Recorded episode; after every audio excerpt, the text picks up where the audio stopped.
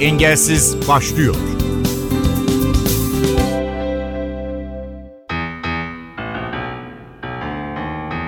Merhaba ben Ayhan Aktaş. Engelli sporcuların rekabet ettiği organizasyon olan Paralimpik Oyunlar bu isimle ilk olarak 1960 yılında İtalya'da Roma'da düzenlendi. Türkiye oyunlara özel davetle 92 yılında bir sporcuyla katılırken resmi olarak katılımımız 2000 Sydney Paralimpik Oyunlarını gösteriyor. İlk altın madalyamız 2004'te gelirken 2008 yılında Pekin'de kadın sporcularımız başarılarıyla öne çıktı. Okçulukta Gizem Girişmen altın, Neslan Kavas da masa tenisinde bronz madalya elde etti. Ülkemize ilkleri yaşatan bu isimlerden Neslihan Kavas bu hafta program konuğumuz oldu. Son katıldığı Fransa açıkta bronz madalya kazanan sporcu, sportif ve yaşam hikayesine dair sorularımızı yanıtladı. Merhabalar. 2003 senesinden bu yana Paralimpik masa tenisi branşında milli takımda oynuyorum. Şu an 36 yaşındayım. Gıda mühendisliği mezunuyum ancak aktif olarak hiçbir zaman yapmadım. Spor hayatımız çok yoğun geçtiği için hala da aktif olarak milli takımda ve Süper Lig'de sporcu olarak devam ediyorum hayatıma. Son katıldığımız turnuva Fransa'daydı. Açık bir turnuvaydı. Nasıl geçti Neslihan Kavas için Fransa? Fransa aslında Paralimpik Oyunlar ve Dünya Şampiyonası katılımı yüksek olan bir açık turnuvaydı. Oraya katılış amacımız Paralimpik Oyunlara kota almak için dünya sıralamasındaki yerimizi bir üstte taşımak olduğu için puan kazanmamız gerekiyordu. Çinlilerin, işte uzak doğuların, Avrupa'dan güçlü sporcuların yarıştığı bir turnuvaydı. Evet kürsüde yer almak tabii güzeldi. Daha iyisi olabilirdi. Ancak tabii bu puanlar yetmiyor bize. Hala kota turnuvalarımız devam ediyor 31 Mart'a kadar. O turnuvayı artık geride bıraktık. Kamplarla da 31 Mart'a kadar olan açık turnuvalarda daha çok puan kazanarak kotayı almak için mücadelemize devam ediyoruz.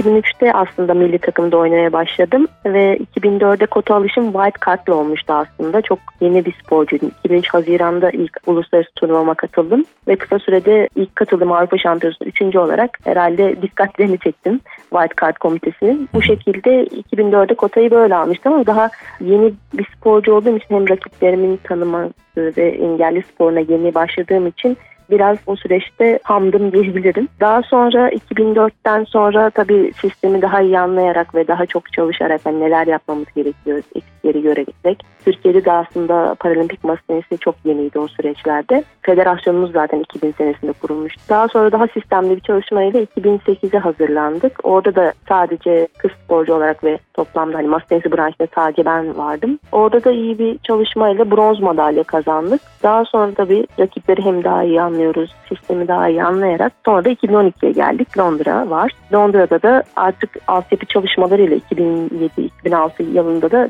Türkiye'de bir altyapı çalışması başladı. Doğan Çağlar Ortopedik Engeller Okulu'nda. Oradan da bir sürü arkadaşımız şu an hala zaten aktif oynayanlar var biliyorsunuz. Abdullah Öztürk, evet. Kimkivan, başarılı sporcular oralardan yetişti. Bu şekilde sistemli bir çalışmayla da 2012'de hem Ferdi'de ikincilik hem takımlarda Ümran, Kübra ve ben ikincilik elde ettik. Tabii o süreçte altyapı çalışmalarında Yusuf Kılıçkaya olsun, İlhami Kılıçkaya olsun, Fatih Korkut Hoca olsun. Bu hocaların çok büyük emekleri var. Bir sporcudan şu anda takımı gayet kalabalık hale getirdiler. Ben belki lokomotif olarak bir önder olarak önderlik ederek bu arkadaşlara yolu açmış oldum ama benden sonra da çok güzel başarılar geliyor. Şu an dediğim gibi 36 yaşındayım ama gözümüz arkada kalmayacak gibi görünüyor tabii gerçekten profesyonellik anlamda gün be gün gerçekten gelişen bir spor masa tenisi. Açık turnuvalara veya işte Avrupa Şampiyonası'na katıldım ama paralimpik organizasyona ardından bu kısa sürede katılmak beni aslında biraz da şaşırtmıştı. Hani hiç bu kadar büyük bir organizasyon olduğunu tahmin etmemiştim. Çünkü hani sisteme yeni girip ve belki bir seneden kısa bir sürede daha büyük bir organizasyona katıldım. O anlamda 2004 Atina gerçekten benim için bir dönüm noktasıydı. Performans olarak daha yeterli değilim belki o zaman çünkü hani sistemde yeniydim dediğim gibi. Ancak hani o zaman bakanlık da biliyorsunuz Gençlik Spor Bakanlığı Spor Genel Müdürlüğü şeklindeydi ülkede. Ona rağmen ama hani ülkenin spora bakış açısını işte bir televizyonda çıkmak işte haberlerin oraya katılmadan önceki basında yer alması ya da döndükten sonraki basında yer alışı tabii bir Avrupa ve Dünya şampiyonalarına göre daha üst düzey oluyor. Yani bu topyekun bir ülkeyi belki kapsayan bir organizasyon oluyor. Bir spor festivali havasında geçiyor. 2004 o anlamda hızlı geçti diyebilirim çünkü hani anlamaya çalışırken turnuva bittiydi ve bu tecrübeleri kullanarak 2008'e de zaten o şekilde hazırlandık. 2008 belki o kapıyı araladı. Hani 2004'te çok çok yeni olduğum için o bir tecrübe gibi bir paralimpik oyunlar geçti benim, benim için ve para benim bakış açımı değiştirdi açıkçası. 2008'de de yine tek başına giderek sadece Ferdi'de oynayabildiğim için sadece Ferdi madalya kazanabildim. 2008'den sonra dediğim gibi o altyapı çalışmalarıyla 2006'da başlayan daha fazla sporcuyla hem kota alabildik hem de takımlarda yarışabilme imkanı oldu. 2012'de de bu şekilde güzel bir derece elde ettik. Tabii o günden bugüne masa tenisi çok değişti. Sporcu sayısı dünyadaki arttı. Hatta şu anda paralimpiklere kota verilecek sayılar arttı klaslardaki. Daha önceden kısıtlı sayıda sporcu olduğu için daha az kota veriliyordu. Ve hani engelsizlerle özellikle üst klaslarda ayakta hı hı. engelsizlere e, yakın hani performans gösterebilecek hatta engelsiz milli takımlarında oynayan Brezilya'da olsun Polonya'da olsun bu sporcuları görüyoruz. Engelsizlerle birebir antrenman yapıp maçları yapmadan paralimpiklerde yarışma şansınız yok şu anda ki ben de şu anda benim klasımda ve işte 10. klasta ayakta bu şekilde bir performansınızı koruyamazsanız madalya şansınız zor, kota şansınız daha da zor tabii.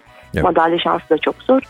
O anlamda artık engelli engelsiz belki ayrımı kalmadan performans olarak çok yaklaşacağız birbirimize daha ileriki günlerde, ileriki senelerde. 2012 Londra'nın Neslan Kavas'ın hayatındaki önemi neydi? Evet orada açılış günü, Paralimpik oynanan açılış günü benim doğum günüme denk gelmişti. Orada da bir içimden bir dua etmiştim. Umarım burada güzel bir sonuçla madalyayla taçlandırırım diye. Ve o duam kabul olduğu için tabii ayrı önemi var. Bir de orada küçük bir bekleme alanında doğum günümü kutlayan bir grup gönüllü vardı. Tabii o da unutulmaz kılmıştı o açılışı. Açılışlar zaten hep çok görkemli olur. Zaten daha sonra 2016 ve 2020'de açılışa katılamadım.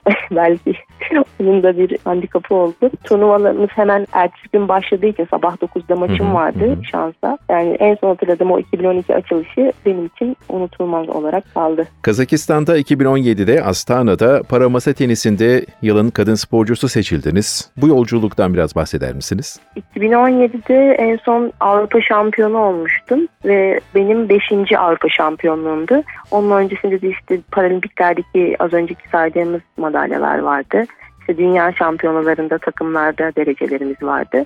Tabii hani belki o sürede kariyerimin zirvesinde olduğumu düşünmüş olabilirler. Sadece ben aday değilim. Başka ülkelerden de adaylar vardı. Daha önceden aslında Türkiye'den Nesim de aday olmuştu. 2016 mı 15 mi tam hatırlamıyorum bu ödüle. O aday oldu ama başka bir ülkeden bir sporcu kazanmıştı. Bu şekilde tabii kariyerimin de 20. senesiydi o sene.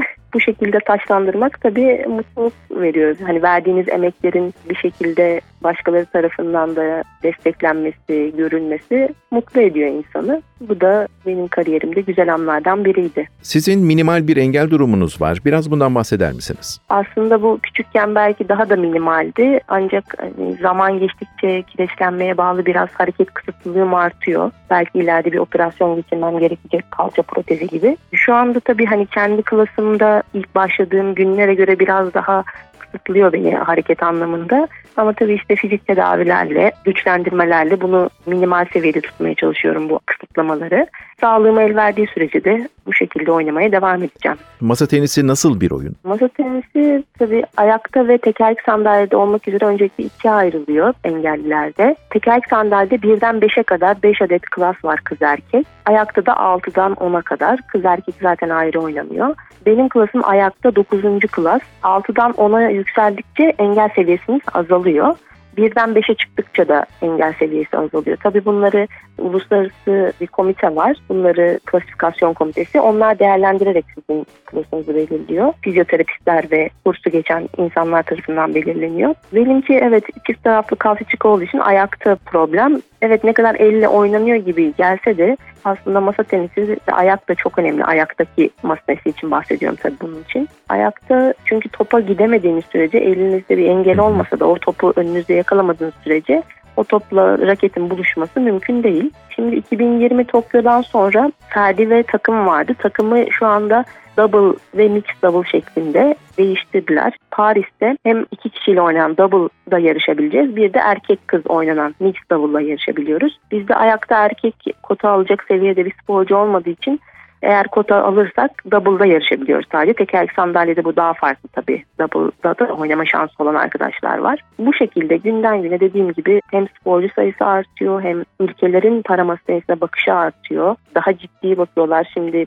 örneğin bir Polonya örneğini vermek gerekirse zaten engellilerde başarılı bir ülke Avrupa'da. Ancak şu an 2028-2032'ye bile götürebilecekleri sporcuları altyapıdan hazırlamaya başlıyorlar. Biz de bu anlamda bir an önce bence hani evet güçlü ve başarılı bir ekibiz ancak yaşımız gittikçe yükseliyor. Yaşlanan bir takımız bir anlamda da. O yüzden biz de bir an evvel bence bu altyapı çalışmalarına hız vermemiz gerekiyor. Çünkü 3-4 sene dediğiniz çok çabuk geliyor. Tokyo'ya sanki daha dün gitmişiz gibi. Bir bakmışız Paris gelmiş. O anlamda bizim de daha hızlanmamız gerekiyor diye düşünüyorum.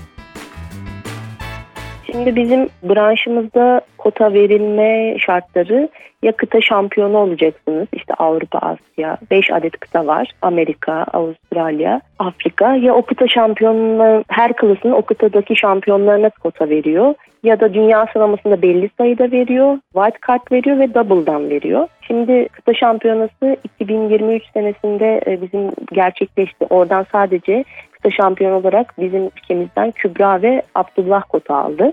Ben üçüncülük elde ettim. Merve ikincilik elde etti ve üçüncülük elde eden başka arkadaşlar var.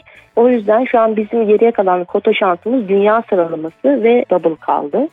Şu an double'da da bizim Merve ile şansımız, Merve ile double oynuyorum bu arada ben 10. klasta Merve Cansu Deniz. Double'da alma şansımız yüksek. Ayrıca da normal dünya sıralamasından da alma şansımız yüksek. Ancak 31 Mart'a kadar bu açık turnuvalar devam ettiği için rakiplerimizin de şimdi şu an şu gün olsa biz kotayı aldık. Yani şu gün karar verilse dünya sıralamasına göre kotayı almış görünüyoruz. Ancak 31 Mart'a kadar turnuvalar devam ettiği için bizim ve rakiplerimizin puan alıp vermesi de önemli. Şimdi biz rakiplerimizi yenersek puan alıyoruz. Kaybettiğimizde de eksiye düşüyor puanlarımız. Öyle bir ranking sıralaması oluyor. Puanlamalar ona göre hesaplanıyor. O yüzden bu mücadele 31 Mart'a kadar devam ediyor. 31 Mart'taki dünya sıralaması önemli bizim için. Neslihan Kavas'ın başarıya giden yoldaki olmazsa olmazları neler? Çok teşekkür ederim öncelikle. Aslında en başında sanırım yaptığım işi sevmek. Yani masa tenisini gerçekten çok seviyorum. İnsan nasıl sevdiği birinin üzerine titrerse ben de bu branş için hani belki ömrümü verdim diyebilirim dediğim gibi. 25-26 sene geçti. Tabii disiplin çok önemli. Disiplin ne için yap, bu işi ne için yaptığınızı, sporu ne için yaptığınızı bilmek çok önemli. Sadece hani yetenekli olmuyor bazı. Yetenek belki %5, %10 etkiliyor diye düşünüyorum. Çünkü herkes çok çalışıyor. Yani şimdi diğer paralimpik oyunlarda dediğim gibi artık engelsizlerdeki gibi çok fazla sporcu sayısı var. Çok fazla her bütün ülkeler bu işe ciddi bakıyor. Bizim ülkemiz de bu anlamda bize çok yatırım yapıyor. Hı hı. Bunun da hakkını verebilmek adına yaptığımız işi ciddiye alıp disiplinle çalışıyoruz. Bu şekilde bence en büyük benim özelliğim kişisel özelliğim bu diye düşünüyorum. Tabii insanın kendini tanıması biraz da zor olabilir belki ama. İstikrarlı bir sporcu için, bir milli sporcu için bir gün nasıl geçiyor? Özellikle bir idman günü nasıl geçiyor? Şu anda kampta mısınız? Kamptan yeni çıktık aslında. Şu anda daha değil. Ocak ayında tekrar gideceğiz. Her ay kampımız oluyor. Turnuvalarımız oluyor. Şöyle tanımlayabilir miyim? Sabah kalktığımda bazen nerede uyandım diye etrafına bakıyorum. Çünkü bu çok yoğun geçiyor gerçekten günlerimiz. Ya kampta ya maçlarda evi sadece bazen otel olarak kullanabiliyoruz. İşte çamaşır yıkayıp tekrar çanta hazırlayıp e, yola revan oluyoruz. Tabii başta uyku ve beslenme düzeni çok önemli sporcunun hayatında. Çünkü sizi bu tempoya uyumunuzu sağlayabilecek, güçlü tutabilecek başta faktörlerden geliyor. E şimdi biz paralimpik masa yaptığımız için fiziksel durumumuz engelsiz sporculara göre daha farklı olabiliyor. Daha çabuk sakatlanabiliyoruz. Belli bir kas grubuna yüklendiğimizde e, daha ağrılarımız olabiliyor. Bu anlamda hani vücudu hep uzun süre işte ben dediğim gibi 36 yaşındayım. Bu yaşta hala aktif üst düzey edip yapabilmek için bu sporu hep takviyeler alıyoruz bir şekilde işte fizyoterapist desteği, işte beslenme anlamında olsun. Ve tabii günlük rutin antrenmanlarımız var. İşte güçlendirme antrenmanı olsun, masa antrenmanı olsun. Hı hı. Yani haftanın 5-6 günü zaten bizim salonda geçiyor. Ya da güçlendirmeyle başka salonlarda ya masa tenisi salonunda geçiyor. Yoğun bir hayatımız var gerçekten. 2023 yılı Neslan Kavas için nasıl geçti, nasıl değerlendiriyor? 2024 beklentileri nedir? 2023 yılı tabii yine Paris için kota turnuvalarıyla geçti ve Avrupa şampiyonası vardı büyük turnuva olarak. Bizim her sene iki senede bir Avrupa, dört senede bir de dünya olduğu için ve dört senede bir paralimpik olduğu için her sene büyük bir turnuvamız mutlaka oluyor. 2023'ü hem aslında biraz da federasyonumuz değiştiği için o federasyonla uyum çalışmalarıyla geçti diyebiliriz. 2023 Mart ayında federasyonumuz değişti. Bedensel engellerden masa tenisi federasyonuna geçtik. O süreç biraz uyum süreci olduğu için uzun süre bir kamp yapamadık. Kendimiz milli takım dışında daha çok hazırlandık turnuvalara. Ancak 2023'ün işte Eylül ayında bir Avrupa şampiyonumuz vardı. Hani yazı biraz daha o anlamda verimli geçirdik. Tabii direkt kota alamadık kısa şampiyonasından ama 2023 çabuk geçti. Bakalım 2024 31 Mart'a kadar da son bir 3-4 turnuvamız kaldı. Umarım orada garantileyerek Paris'e rahat rahat hazırlanırız kalan süreçte diyorum. Para masa tenisi kadın milli sporcumuz Neslihan Kavas NTV Radyo'da Engelsiz'de bizlerle birlikteydi. Çok teşekkür ediyoruz katıldığınız için. Ben teşekkür ederim. Çok sağ olun. Bizi tekrardan programımızda ağırladığınız için. 2023 senesi yavaş yavaş geçiyor. Çok az bir zaman kaldı. Umarım 2024'te başta Gazze'deki halka barış gelir. Oradaki çocuklar, bebekler, insanlar daha fazla canı yanmadan zafere ulaşırlar. Daha sonra da tüm dünya için barış, mutluluk diliyorum. Çok teşekkürler. Engelsizi tamamlıyoruz. Ben Ayhan Aktaş, prodüksiyonda Ersin Şişman. İyi günler, iyi haftalar diliyoruz. Programın tüm bölümlerini ntvradio.com.tr adresindeki podcast sayfamızdan dinleyebilirsiniz. Engelsiz sona erdi.